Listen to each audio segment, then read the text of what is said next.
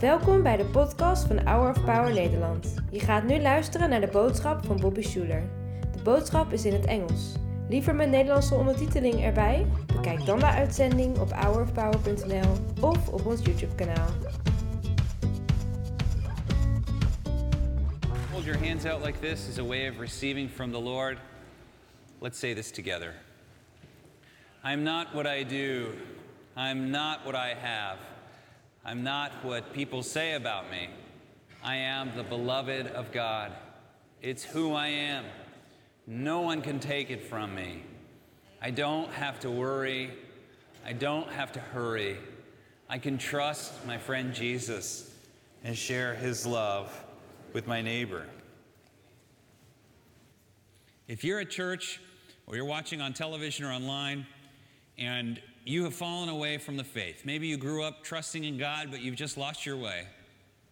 Or maybe you think of yourself as a Christian or some kind of a religious person, but you know in your heart you haven't committed your life to Christ. I want to encourage you right now to make a decision to follow Christ. Never in my life have I heard of someone who chose to follow Christ and looked back and regretted it. Even those who lost their faith, when they look at their time as a Christian, they look at it usually fondly. And there's a reason for that. There's a reason for that. Life with God is good. It's good. And so I want to encourage you to make a decision to follow Christ today. It's something we've all done, and we want you to join our spiritual family and be a part of this house.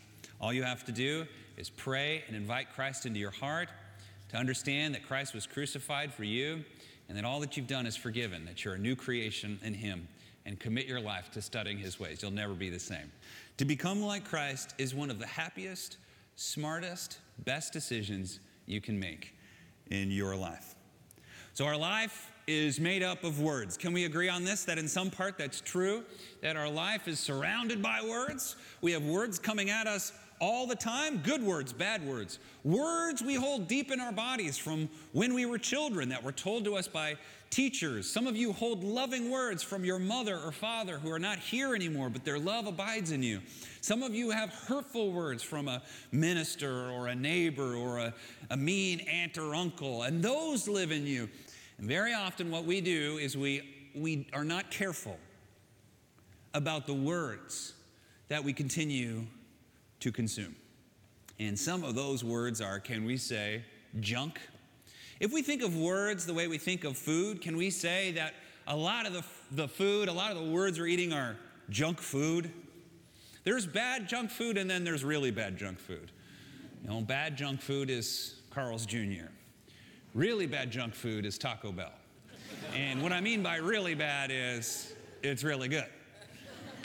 I, uh, Uh, we can have fast food sometimes, right? That's okay every once in a while. Every once in a while. Every once in a while for me is once a week. I have Taco Bell once a week, which I don't think is that bad. It's every Saturday night, actually. I have, and you can write this down, try it sometime, you'll enjoy it. It's called the Brick.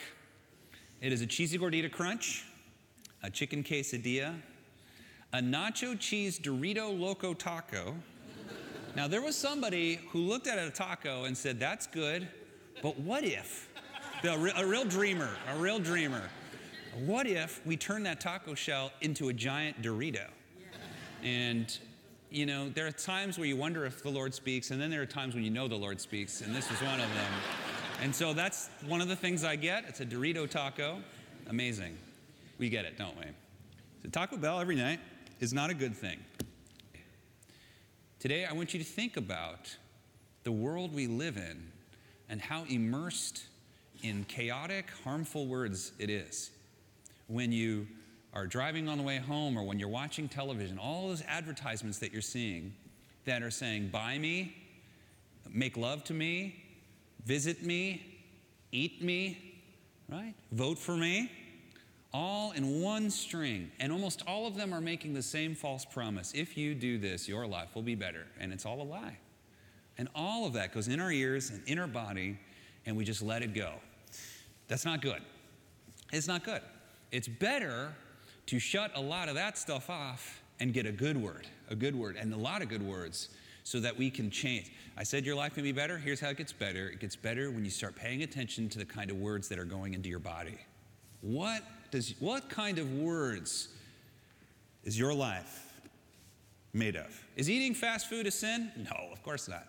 I mean, maybe it is, but I don't think it is.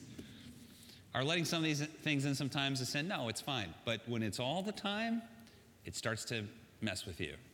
That brings us to our scripture today for the day. 1 Samuel chapter 3. It was read by Hannah this morning. Wonderful story.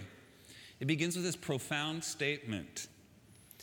The, the author says, and in those days, it says, and the word of the Lord was precious in those days.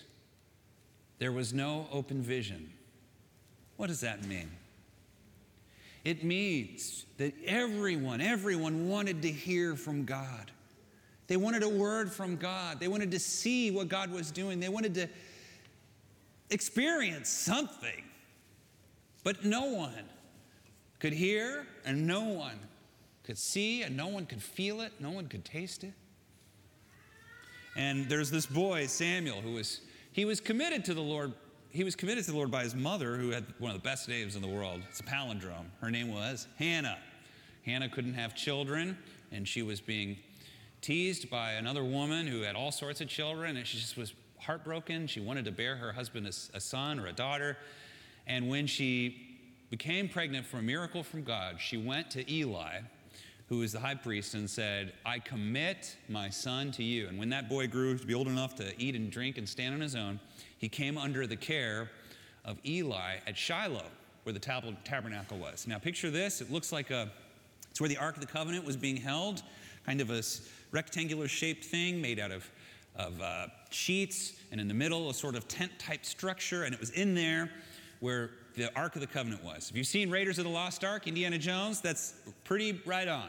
And that was understood as the real presence of God. The Ark of the Covenant was the throne of God. And it was meant to be feared, kept sacred. If you touched it, uh, instead of carrying it, uh, you would die. It, it, and, but, and then there was like the Spirit of God was just hovering over it in power. And so it was held on with, with kit gloves and treated very you know, sacred as God's real presence.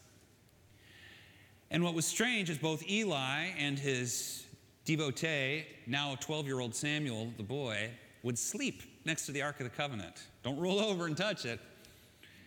And they would sleep there and one, one night, in the middle of the night, young Samuel is 12 years old hears, Samuel, Samuel. And so he, he gets up and he goes over to Eli, who he thinks is calling his name. He says, What is it, Master? And he says, what? And, you know, Eli, who's an old man, is just trying to get some sleep. He says, I didn't call you. Go back to bed.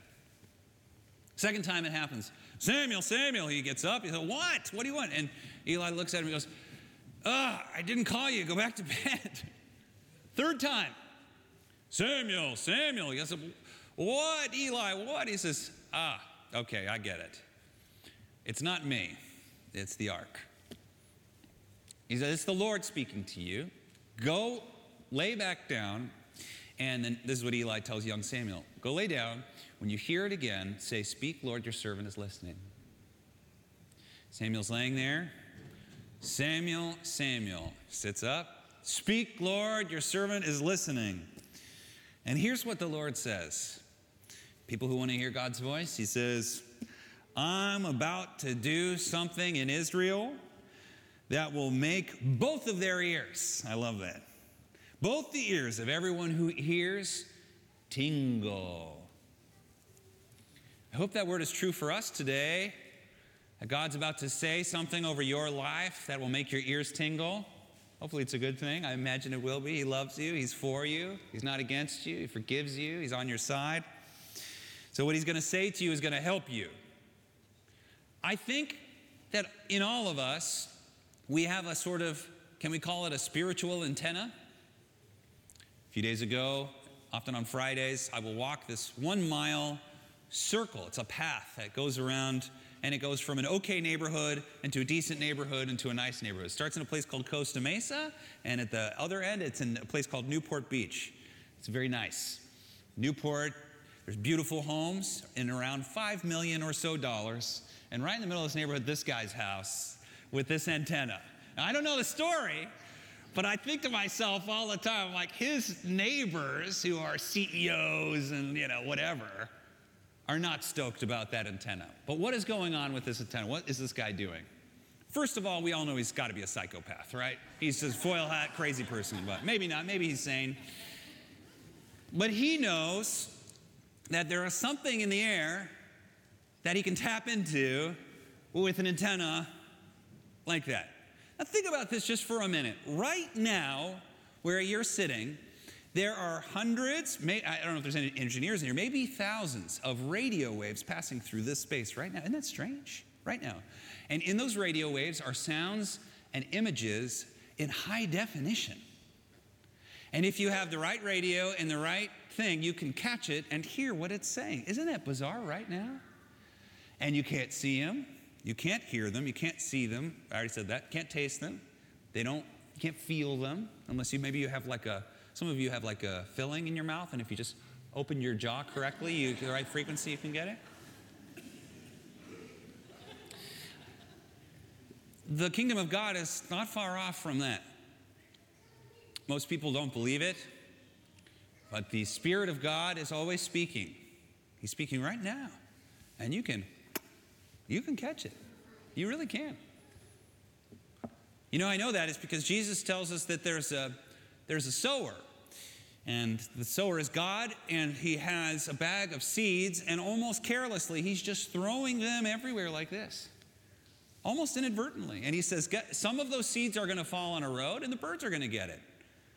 Some are going to fall on the rock, and those are going to get excited, and they're going to hear it, but then they're going to die out. Others are going to land, but there's going to be thorns there, and the money that they make is going to choke it out. And then there's another group that is going to land on good soil, and what I say to them is going to 100x in their life. And guess what he says those seeds are? Those seeds are words words. I pray that this seed falls on good soil today. But it's just the way the world is. Some get stolen by birds, that's okay. Some gets dies on the rock, and that's okay. And some are choked out by thorns. But some of you will hear what I'm saying today, and you'll never be the same. Let me say it again. Your life gets better when you get better. If you commit your life to personal development, everything in your life changes especially when at the heart of that personal development is the Word of God, which is both a person and a message. The person is Jesus Christ, and the message is salvation. So the Holy Spirit is going all through here, and we can hear it if we want. Or maybe another way of thinking of it is like a muscle. Maybe you say, I can't hear anything. You know, there's some people like Samuel, they're just born hearing it. There's other people that have to develop it a little bit. And you want to develop that muscle? Honestly, you have to do the work. The one thing nobody ever wants to do work. I got plenty of work already. You got to do the work. Here's what the work is the work is memorizing Scripture. That's it. If you begin to memorize Scripture, and then when your Bible is at home and you begin to say it out loud, especially something, Psalm 23, the Lord's Prayer, things like that, and you say it out loud when you're waiting for your bus or you're waiting for your coffee or you're at the DMV and you say the scriptures aloud, the scripture will actually begin to get baked into your body. And you'll get what I call a biblical mind, that you just begin to think biblically. And then when you quiet your heart and you say, Speak, Lord, your servant is listening. I mean, that's a great, that's an ancient prayer actually from what Samuel said. Speak, Lord, your servant is listening. You will hear from the Lord. And when God speaks, He doesn't speak in English. Did you know that? God has a language. It's not English, it's not Hebrew, it's not any of the many languages we think of. God's language is knowledge. So when He speaks to you, it comes as epiphany. And it is just clearly stamped on you, and you get it. And you will get it if you do the work. The universe is made up of words. Did you catch that? The universe is actually made up of words. John knew this when he said that in the beginning was the Word, and the Word was with God, and the Word was God. And he's echoing the first chapter of the Old Testament, which says, God spoke and everything came into being. That seems crazy to us. that God would speak and everything just exists, but it's true. It used to be really, really hard for philosophers and theologians to wrap their head around. But in our modern computing era, it's actually easy to understand now. Isn't that funny? We can actually see it when you look at DNA, when you look at how the whole world breaks down into these little atoms that have little words on them that we put on them, that you can see how words make up everything that exists. And to give it even clearer image, when a movie like Tron comes out or a movie like The Matrix comes out, and you've got all these code that are making up the world that these people are living in, you can see it. Or even now, when the way video games are. When I was a kid, my first video game I ever played was called Frogger. Anybody remember that one? Try not to get run over. It's just a little frog. It's terrible. It's a horrible game. TV was way better at the time. But now you play a game that have budgets of 300 to 500 million dollars for one video game, and they they're immersive and they look real and characters interact and now they have AI and all this stuff. Under all of that are words. We call it coding. Coding. And it's the coding that makes up those things. And it's a sort of spiritual coding that makes up the world we're living in right now. This is important, okay? I know this is very philosophical, but it's important. Here's why it's important. In the computing world, there used to be a saying, I think they still use it, GIGO. Now, if you're a computer engineer, you, know what this means. GIGO stands for G-I, G-O, GIGO. Not, not Geico, the insurance company with the gecko, GIGO. I even said it like the, the guy's voice, GIGO. GIGO stands for garbage in, garbage out. Garbage in, garbage out. And what it means is, if you're not careful about the code that you're putting into the program, everything that comes out is going to stink. It's, gonna, it's not going to work, it's going to crash, it's going to be messed up. Okay, now imagine your life, your heart, your health, your, the way you feel. Maybe you struggle with anxiety, depression.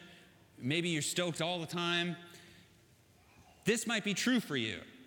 The garbage in, garbage out in terms of the words that you're taking in. Think about how many words, right now, you're receiving good words. You're receiving the Word of God. And it will, if you hear it, it will build you up and it will bring you closer to where you want to be. It is immensely valuable. It is, it is worth the time of sitting through this. But when you leave here, there will be new words. Do your best. They're all, so many of them are Taco Bell. You know, they're not a sin. They're not a sin, but they're Taco Bell and they're fun. But you do it too much, it starts to have an impact on your life. It's garbage. And I'm doing, telling you this because I'm your friend. I'm on, I'm on your side. Here's garbage following celebrities.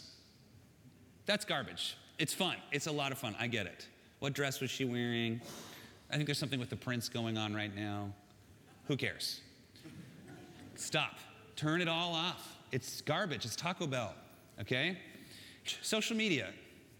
Let's start calling it anti social media because that's what it does. It doesn't draw us closer to people, it draws us from people. Sometimes it's fine, right? Social media is, there's, I'm on social media. You can follow me on Instagram, Twitter, and YouTube. There it is. There it is. Little bit's okay, but it's Taco Bell. So much better to call your mother. So much better to get together with a friend and have a cup of coffee. So much better to put a fire on, have a cup of tea, read a book. That is not garbage. That is where that's the stuff that life is made from. But I'm a, you know, Schuller, I'm not a negative person. I don't want to finish on a negative note with 49 seconds left. So here's a better way to think of it power in, power out. The more good words you get in, the more power you get in, the more power that goes out. When you're training for a sport, working hard, if you don't get the protein, you don't get the vitamins, you don't get the stuff you need, you're not going to see growth. Power in, power out. Your life can be better, my friend. It can be better today. It gets better when you stop blaming that person, that thing, that policy, that boss, that colleague, that person that betrayed you, that old thing that happened to you. Stop labeling all that stuff. Your life gets better when you get better. And you get better when you immerse your life in the kinds of words that make you into the person you were called to be. Lord, make it so. We pray in Jesus' name that you transform our lives into the image of Jesus Christ, that we could become not less than we were made to be, but all that we were made to be. Help us be that way today, Lord. We ask you, and it's in Jesus' name we pray. All God's people said, Amen. And now the Lord bless you and keep you. The Lord make his face to shine upon you and be gracious unto you. The Lord lift his countenance upon you and give you his peace. In the name of the Father, and of the Son, and of the Holy Spirit. Amen. Bedankt voor het luisteren naar de podcast van deze week. We hopen dat deze boodschap jou heeft bemoedigd. Wil je meer weten over Hour of Power of dagelijkse bemoedigingen ontvangen? Ga dan naar www.hourofpower.nl